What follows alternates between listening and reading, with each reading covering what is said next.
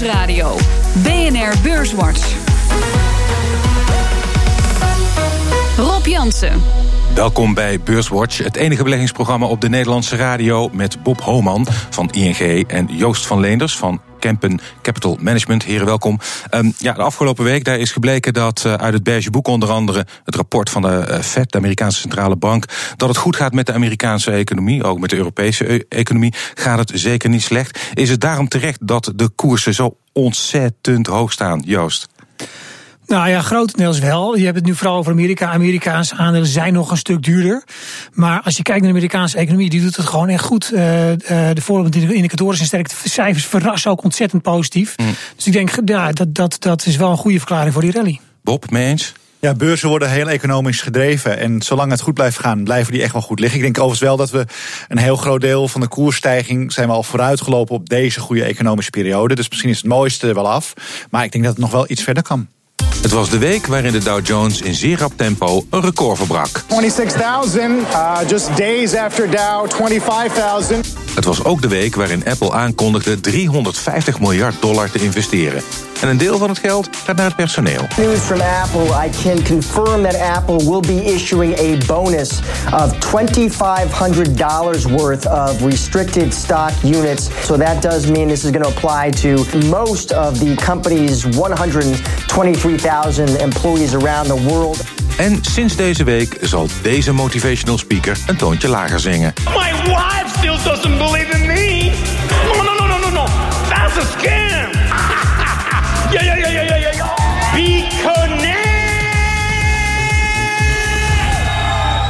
Ja, deze laatste meneer prees BitConnect aan. Een zaal vol makkenschapen die vooral de BitConnect-coin uh, moeten kopen. Uh, of dat gebeurt is, weet ik niet. Als ze dat hebben gedaan, hebben ze waarschijnlijk wel pech uh, mee gehad. Die munt is namelijk in een week tijd gekelderd van meer dan 400 dollar naar een paar tientjes. Een van de redenen dat die cryptomunten zo sterk dalen, is dat steeds meer overheden er tegen willen optreden. Joost, denk je dat het terecht is dat overheden hier tegen optreden? Ja, terecht. En, uh, ik, ik vind het wel logisch dat overheden dat doen. Um, uh, ik, ik, denk dat er twee gevaren zijn voor, voor cryptomunten. Het ene is, is inderdaad regulering. En het andere is uh, dat het er steeds meer worden. He, hmm. Je kan zeggen, bitcoin dat is een beperkt aantal wat er uitgegeven kan worden. Maar er zijn ondertussen 1500 verschillende cryptomunten. En um, ik denk dat overheden... Je kan natuurlijk zeggen, het is allemaal anoniem he, bij die cryptomunten. Maar ja, je kan ook cash kan je ook anoniem, uh, kan je ook anoniem uh, uh, bij betalen, zeg maar. Als je het eenmaal hebt. Um, maar je ziet ook het uitgeven van geld. Dat levert de overheid natuurlijk heel veel geld op. Ja. Dus in die zin is het ook een concurrent voor de overheid. Hmm. En als je dan het idee hebt dat er veel criminele activiteit mee gefinancierd wordt. Ja, dan, dan snap ik wel dat er op een iets gebeurt. Ja, wat denk jij Bob? Dat het net zich gaat sluiten om de cryptomunten? Nou, uiteindelijk wel. Maar ik, ik geloof toch wel heel sterk. De waarde is niet te bepalen. En uiteindelijk denk ik ook dat het op nul eindigt. Maar het is een beetje de grotere gekken. En het lijkt toch nog. Er zijn nog best wel veel grote gekken in de wereld. Dus je moet het ook nog niet helemaal afschrijven op dit moment. Maar uh, wat, uh, het heeft toch wel kenmerken van een bubbel. En ik las van de week een hele mooi, ken, uh, mooi kenmerk van een bubbel. Is dat als mensen met een doodnormale intelligentie, met een minimale inspanning heel veel geld kunnen verdienen, mm -hmm. dan lijkt het toch wel een bubbel. En dat zit ook wat was bij die, bij die coins. Hè. Mm. Je brengt een nieuwe naar de markt. Je weet niet precies wie erachter zit. Je maakt in ieder geval één iemand heel erg rijk. Of een paar mensen heel erg rijk. Ja. En of je er zelf uh, rijk van wordt, moet je nog maar afwachten. Ja, ja en het fascinerende is ook, kijk, als je kijkt hoeveel er gedaan is in de financiële sector om, uh, om dingen te reguleren en om de belegger ook te beschermen. En vervolgens stort, stort ja, massaal, storten, storten veel mensen zich hierop. Terwijl je eigenlijk inderdaad, uh, wat Bob ook zegt, soms geen idee hebt wat, er, wat erachter zit. Nee, ja, ik kan me dat aan de ene kant wel voorstellen. want een coin is niet meer dan een code in een database, volgens mij. Ja. Het, is, het, het, is ook fysiek uh, helemaal niks. Aan de andere kant. Um, maar heel veel geld is fysiek ook helemaal niks, hè? Nee, dat klopt. Dat wil ik net zeggen. Het, ja. Als mensen, zolang mensen er vertrouwen in hebben. Uh, dan ja, maar waar heeft heb je dan het vertrouwen waar- in? Want hebben de mensen geen vertrouwen in de overheid, hè, waar, waar dingen echt wel transparant gereguleerd zijn. Uh, en dan heb je wel vertrouwen in zoiets. Ja, het- ja dat kan. Het, uh, Kijk, het mooie natuurlijk van, een, van gewoon geld hè, is dat het in ieder geval vrij stabiel is. Hè, Je hebt misschien een, een paar procent inflatie, maar je weet wat, het, wat je er morgen voor kunt kopen. En bij bitcoins weet je dat gewoon niet. Hè. Dus de echte functie van geld voor normaal gebruik valt daarbij in mijn ogen al weg. Ja, nou ja, jullie zitten helemaal op de lijn. Uh, jullie zijn geslaagd voor je examen. Want ook Robert Schiller, econoom en Nobelprijswinnaar, Ja. die zei uh, nog deze week: ja, die Bitcoin die kan. Hij zei: het kan 100 jaar bij ons blijven, uh, zolang dat vertrouwen er is. Maar hij denkt ook dat het uh, totaal zal instorten. Die kans acht hij veel groter. Um, iets rustiger gaat het eraan toe. Gelukkig maar, denk ik. Uh, met de Amerikaanse economie. Uh, we hebben het beige boek gehad deze week. Het rapport van de Amerikaanse centrale banken over de economie. In grote delen van Amerika is sprake van een rustige, gestage groei. Lonen groeien gematigd. Um, ja, het lijkt wel een perfect scenario. Zie jij nog risico's voor de economie daar, Joost? Nou, ik denk dat het risico wel is dat die inflatie gaat oplopen. We zitten nog steeds in een klimaat met die lage inflatie en, en goede groei. En dat is, dat is ja, voor, en daar, voor aandelen gewoon een prima klimaat. Hè. Er, kunnen, er kunnen de, de omzetten stijgen en de kosten stijgen wat minder mee. Dus dat is prima. Uh, het gevaar zit hem denk ik wel in inflatie. Dus wij, wij kijken naar, we zien dat nog niet zoveel. Je ziet dat de loonkosten misschien een beetje komen, maar het valt allemaal nog reuze mee. In de hele wereld eigenlijk is dat het geval. Ja. Dus dat is een, dat is een gevaar. Hè. Dus oplopende inflatie, rentes en dergelijke. Uh, uh, ja, of, of ergens aan de kredietkant. Maar je ziet dat het Amerikaanse bedrijven, bedrijfsleven redelijk heeft bijgeleend.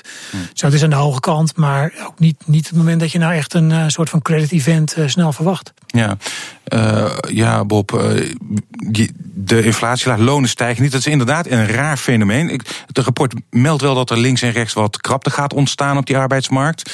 Gaat dat misschien dan toch nog voor een bredere loonstijging zorgen, denk jij? Of, ja, je ziet toch wel signalen dat, dat er wat looninflatie ontstaat. Maar ik denk ook dat die inflatie, als die er komt, die zal iets hoger zijn dan nu. Hè, maar ook niet helemaal uit de, uit de pas gaan, uh, gaan gieren. Want er zijn genoeg deflatoren tendensen ook nog in de wereld. Maar je ziet zeker in de IT-wereld en dergelijke uh, de lonen toch echt wel wat omhoog gaan. In delen van de arbeidsmarkt. Maar je krijgt ook tegelijkertijd heb je een paar effecten die ervoor zorgen dat looninflatie nauwelijks is. En dat is heel veel oudere werknemers verlaten uh, de business, komen nieuwe in. En die oudere mensen hebben allemaal een veel hoger loon opgebouwd. Dus zelfs bij een hele goede economie en waar je iets meer lonen betaalt, krijg je, um, omdat die babyboomers nu met pensioen gaan, automatisch dat die, die lonen, als er niks gebeurt, eigenlijk naar beneden gaan. Ja. Um, Bob zei net ook over, over, over de aandeelmarkt, die wordt economisch gedreven. Dat, dat, dat denk ik ook als je kijkt. Maar als je kijkt op, op langere termijn, zit met, een, met name in Amerika met een behoorlijk hoge waardering. Ook met redelijk hoge winstmarges. En wat je de afgelopen tijd gezien hebt, die, die, die groei. En die groei in bedrijven werd, werd ook uh, opgevangen door het aannemen van, uh, van, van uh, meer mensen. Hè? Maar niet zozeer de loonkosten. Hmm. Dus eigenlijk. Uh, dat is eigenlijk een heel positief scenario. Nu zie je dat die werkgelegenheidsgroei die, die, die vlakt wat af. En misschien krijg je wat meer loongroei. Dan kan je zeggen, nou is prima, de inkomens stijgen nog steeds. Dus de consumptie kan nog steeds stijgen. Maar het is ook dat de kosten van bedrijven wat meer gaan toenemen. Dus ik denk op, op langere termijn zijn we wel minder positief over Amerikaanse aandelen dan Europese aandelen. Maar de waarderingen waar we nu zijn. Ja, maar zolang de economie zo sterk is. En je, ik, ik denk ook die, die gevolgen van die belastingplannen die je nu in de cijfers ziet terugkomen. Hmm. Dat dat ook nog een beetje verder ingeprijsd moet worden. Dat, ja, dat je nog best wat verder omhoog kan. Nog verder omhoog. Ja, en het gevaar, het gevaar zie ik dan in inflatie. Nou, misschien een klein beetje. Rente misschien iets meer. Hè, want dat belastingplan zorgt ervoor dat er weer schulden gemaakt worden. Er moet meer geleend worden. Begrotingstekort is dit jaar ook iets van 6 procent. Um, Terwijl uh, centrale banken gestopt zijn. Uh, er moet sowieso veel Amerikaanse schuld hergefinancierd worden dit jaar. Dus als die rente echt wat oploopt, hè, nu 2,6 uh, procent, boven de 3, ja, dan komen ook een aantal bedrijven wel in de problemen. Hè, want de schuldpositie van veel bedrijven, en ook van de overheid, is gewoon vrij hoog. Dus maar dat zou dan, uiteindelijk wel maar zien we dan niet in kunnen... feite dat er heel veel olie op het vuur wordt gegooid? Met die belastingverlagingen. Nou ja, inderdaad. Als Ja. er een gat ontstaat, hè, Ja. een tekort van Ja, 6% ja, en een oplopende rente. Ik denk dat de meeste eh, economen dat ook echt onzin vinden om op dit moment met zo'n eh, plan eh, te komen. En ook nog eens, je, eigenlijk, je kunt je afvragen of ze, het, of ze het kunnen betalen. Ja, ze hebben natuurlijk, ik bedoel, Amerika heeft de dollar, dus die kan in principe, in principe alles, alles betalen, zou je kunnen zeggen. Maar in, in dit soort tijden, tekorten van, van 4, 5 procent waar je naartoe gaat, ja, dat is natuurlijk eigenlijk veel te hoog. In, in een hoogconjunctuur, dan, dan zou je op dat moment zou je die tekorten wat moeten terugdringen, voor als het weer eens een keer wat minder gaat. Zometeen praten we verder over de beurs en economie. Onder andere over ASML en de winsten van de Amerikaanse banken. BNR Nieuwsradio. BNR Beurswatch. We gaan het hebben over de cijfers van ASML en de Amerikaanse banken. Dat doe ik met Bob Homan van ING en Joost van Leenders van Kempen Capital Management. Maar eerst maken we even de balans op van de afgelopen week. De AEX sloot op 569,3 punten en dat is anderhalf procent hoger dan vorige week. Stijgers. De grootste stijgers in afgelopen week was eh, op nummer 1 ASML een plus van 11,8 procent in vijf dagen tijd. Nummer 2 DSM 3,1 procent erbij. En op eh, nummer 3 staat Unilever met een plus van 3 procent. En het midcap aandeel dat het best presteerde deze week was Bezi met een plus van 6,8 procent. De grootste Dalers. Dalers. de grootste dalers. Op nummer 1, Altis, zoals al vaker, min 2,4% eraf. Op eh, plek 2, Shell met een min van 2,1%.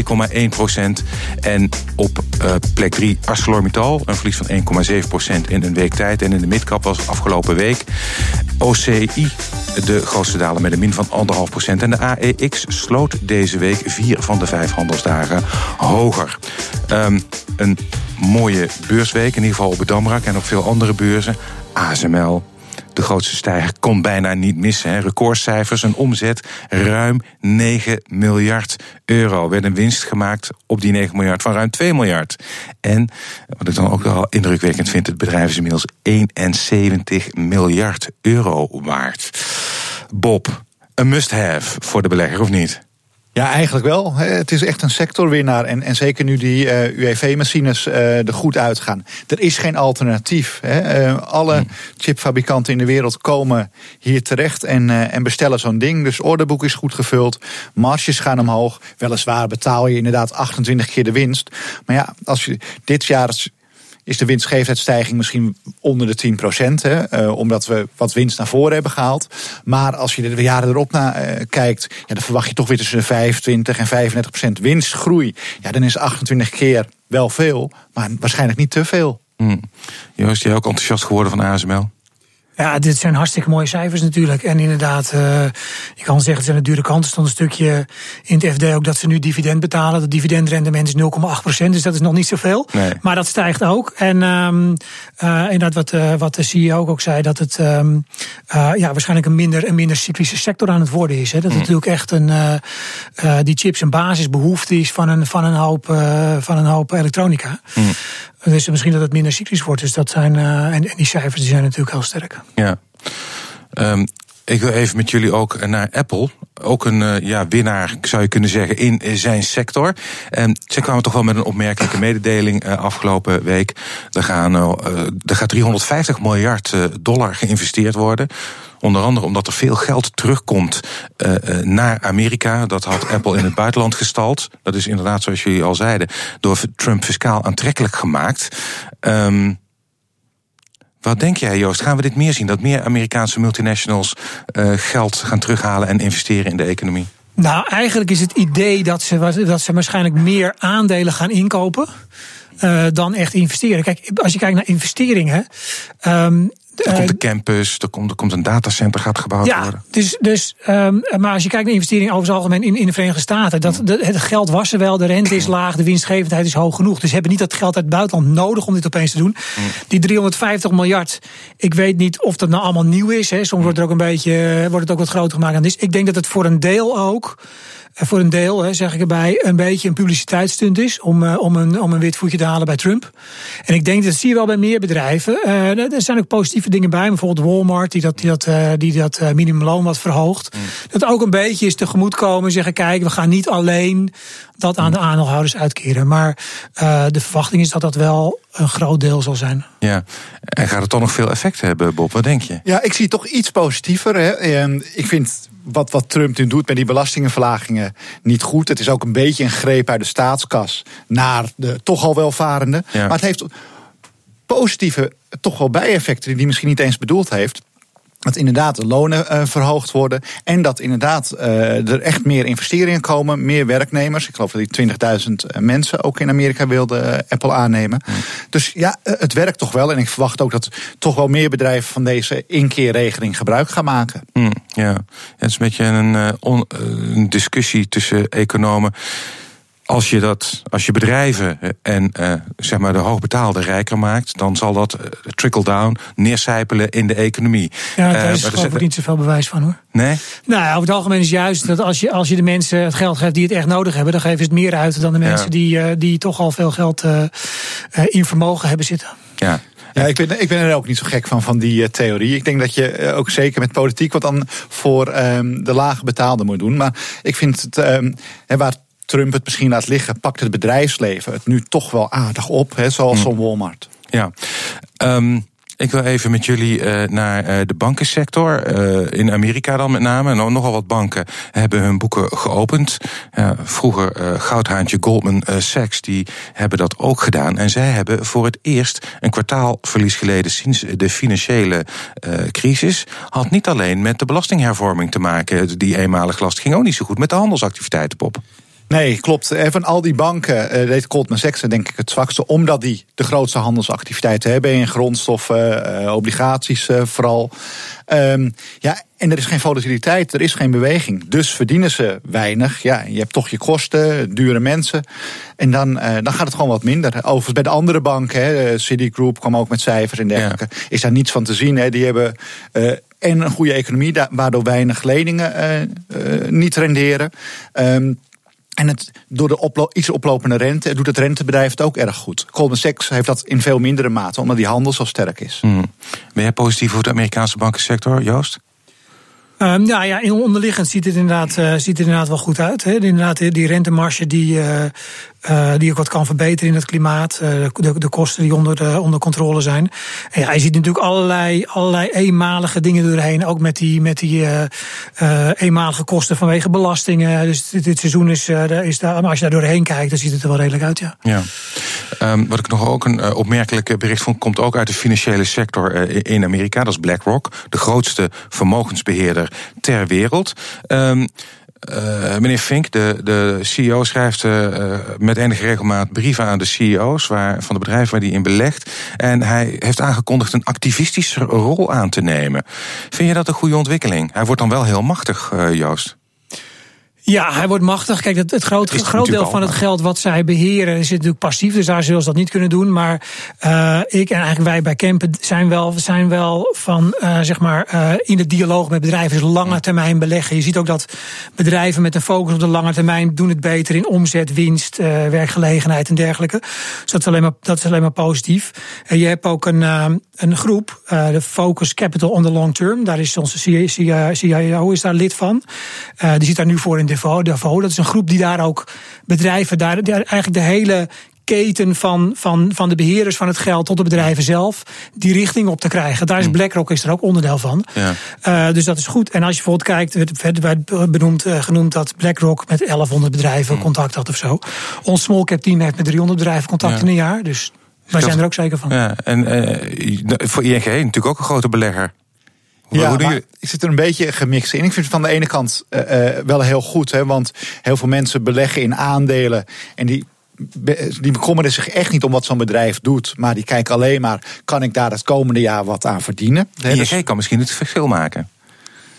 Nou, ik denk dat eh, als je kijkt naar belegvermogen, dat BlackRock zoveel groter is. Hmm. Ehm, dat, dat Voor verschil die rol is eigenlijk alleen weggelegd voor spelers à la Black- BlackRock en, eh, Dat denk ik wel. en, en En- pensioenfondsen. En- die en doen dat ook. Dus ik denk, die betrokkenheid bij aandelen vind ik goed. Van de andere kant denk ik dat heel veel CEO's toch echt wel weten wat goed voor hun bedrijf is. Dan zie ik meer in toezicht bijvoorbeeld op, hè, waar een CEO misschien wat minder toezicht op heeft.